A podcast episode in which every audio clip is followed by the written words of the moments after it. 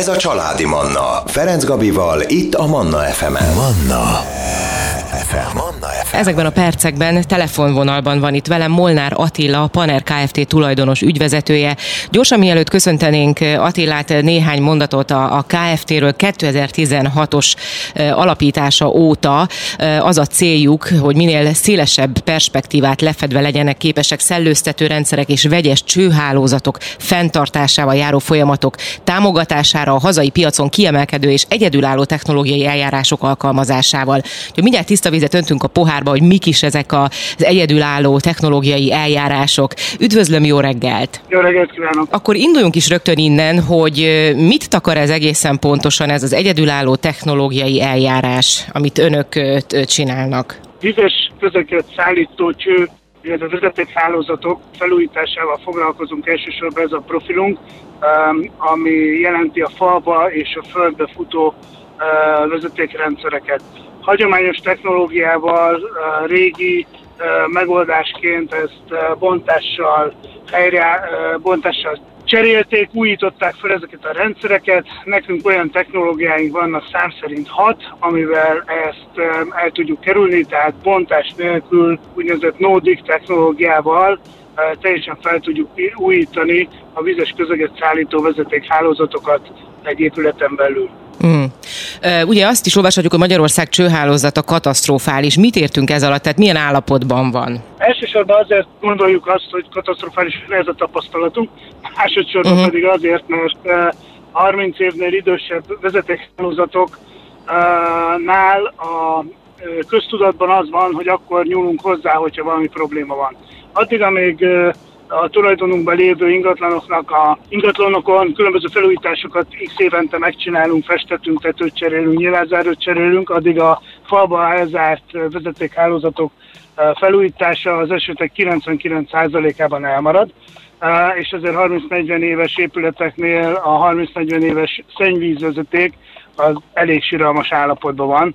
Ezért mondjuk azt, hogy a 30 évnél idősebb ingatlanoknál mindenhol szükséges lenne egy megelőzés, egy prevenció, hogy milyen állapotban vannak ezek a, a vezetékrendszerek. Ugye nyilván feltételezem, hogy azért is mondhatnám azt, hogy ez egy utolsó dolog, hogy, hogy cserélik a, a vezetékeket, ugyanis a, a bontás miatt. De hogyha ez egy bontás nélküli eljárás, akkor ez úgymond sokkal kevésbé fáj, most így nyilván idézőjelbe téve. Igen. Magyarországon cégem, cégcsoportom, amit vezetek, szinte egyedülállóan foglalkozik az ezzel a technológiával, illetve úgy mondom, vannak, vannak többen a piacon, uh-huh. akik egy-egy technológiával dolgoznak. Nekünk hatféle technológiánk van, tehát teljes megoldást tudunk adni. Az ivóvíztől a szennyvízen át a fűtés rendszeren keresztül a csapadékvíz elvezetésen át az ejtő és az alapvezetékekbe is, és addig, amíg a nyugat-európai partnereim, akiktől ezek a, a technológiák származnak, mert hogy ezek nem magyarok, hanem mind-mind nyugat-európai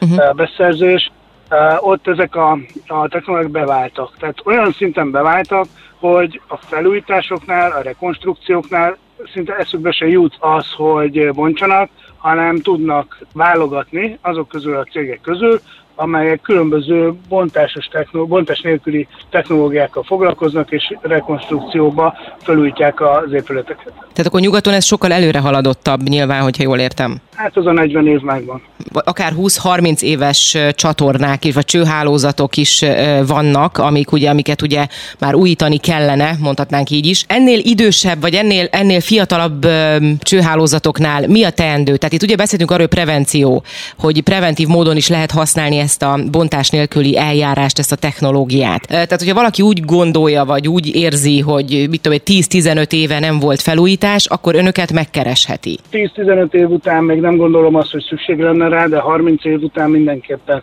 Tehát azoknál a társasházaknál, közintézményeknél, magánházaknál, ahol uh, ahol még ha semmi probléma sem volt, akkor is egyszer érdemes megvizsgáltatni, mert amikor probléma van, akkor viszont nagyon-nagyon fájó tud lenni a probléma.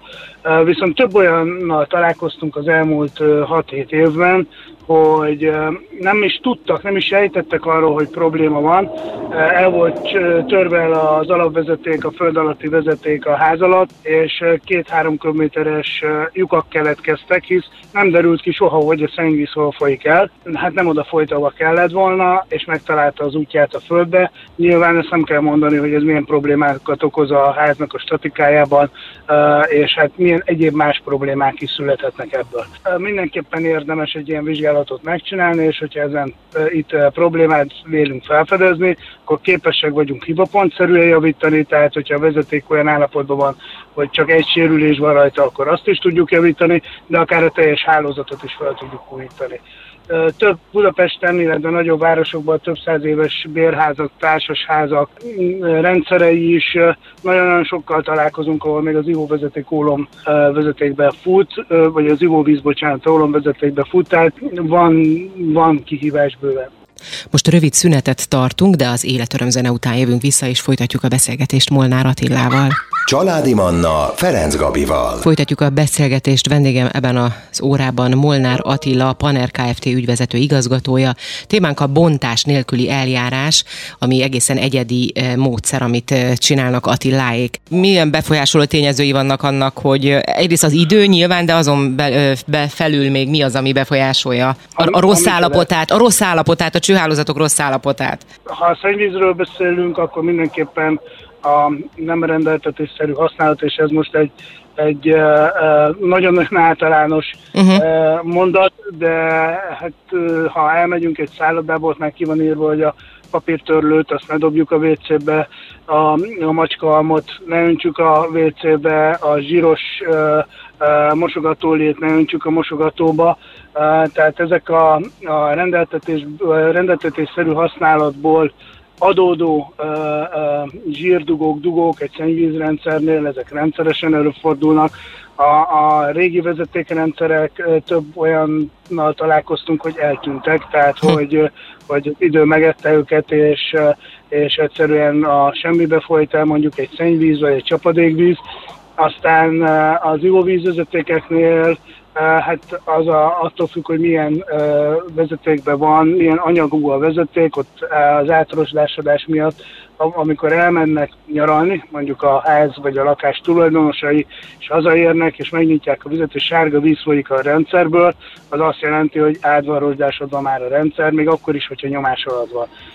Számtalan olyan fotó van a birtokunkban, ami, ami hát elrettentő állapotokat mutat. Hm. Azt gondolná az ember, amit itt az elején mondott, hogy mondjuk például a zsírt nem öntjük, a, vagy a zsíros, nem tudom, maradványokat nem öntjük bele ugye a mosogatóba, hogy ez már természetes az emberek számára, de akkor még 2024-ben sem mondhatjuk el azt, hogy, hogy erre azért figyelnek, vagy gondosak úgymond a tulajdonosok.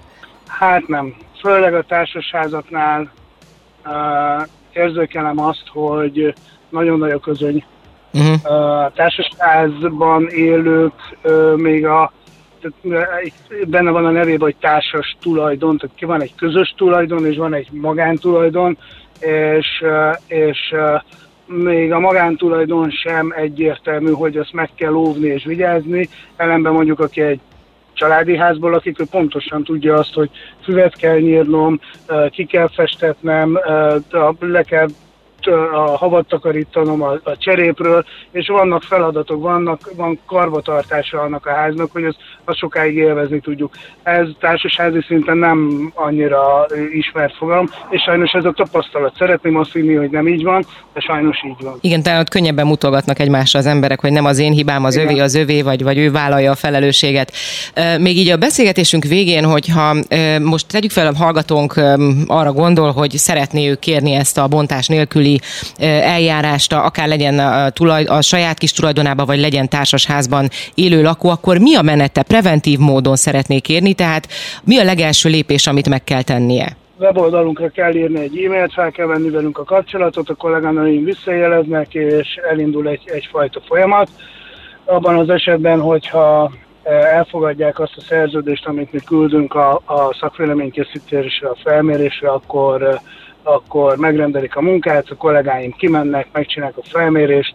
Miután a felmérés elkészült, írott, nyomtatott, vagy hát írott formában és digitális formában szakvéleményt kapnak, illetve a videóanyagot megkapják, és le van írva, hogy mi a konklúzió. Abban az esetben, ha javítani kell, tisztítani kell, akkor az is le van írva, és akkor a következő lépés az, hogy, hogy ebből ők szeretnének-e problémát megoldani, vagy éppen az derül ki, hogy ez még egy 15-20 évig tökéletesen működő rendszer, nem kell hozzányúlni, de legalább van képük arról, hogy milyen a saját rendszerük. Maga egy ilyen, egy ilyen bontás nélküli eljárás az időben ezt meg lehet határozni, vagy ez attól függ, hogy mekkora a csőhálózat, milyen problémák vannak, hogy időben mennyi ennek, a, amíg ezt, ezt megoldják? Igen, jól látja, függ az átmérőtől, függ a probléma nagyságától, függ a csatorna, vagy a vezetéki rendszer hosszától.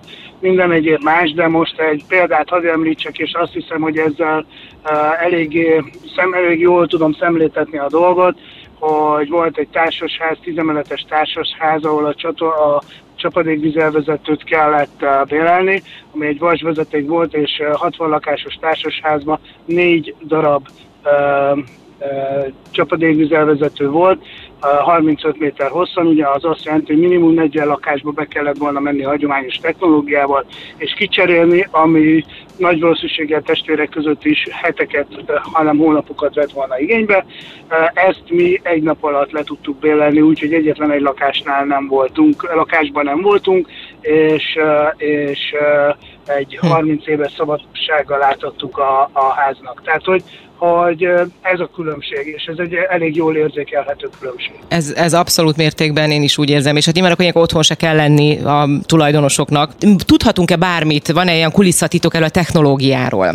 Mindegyik technológiánk, mindegyik különböző technológia, szinte mindegyik másik országból származik, mindegyik műgyanta alapú, tehát kvázi cső a csőbe hozunk létre rendszert, és az epoxi gyantát, illetve a poliúra gyantát használjuk, attól függ, hogy milyen rendszerbe dolgozunk, melyik technológiával dolgozunk, és, és a robottechnika az egésznek az alapja, tehát hogyha össze kellene hasonlítani valamivel, akkor amikor voltam orvosnál szívult, vagy szívvizsgálat, vagy menedzser szűrésen, akkor ment előttem a tévébe egy videó, ahol egy eret, erbe ment, a, érbe ment a kamera, és uh, aztán uh, megmutatták, hogy uh, hogy hálózzák az eret, hogy erősítik az érfalat, és egyből az jutott eszembe akkor, hogyha mi is ezt csináljuk a vezeték hálózatokon belül, egy épületen belül, Hát azóta elmondatunk, hogy csőhálózat doktora, vagy, doktorai vagyunk, hm. Eh, és, ezt, és ezt valóban így is gondoljuk. Én nagyon szépen köszönöm a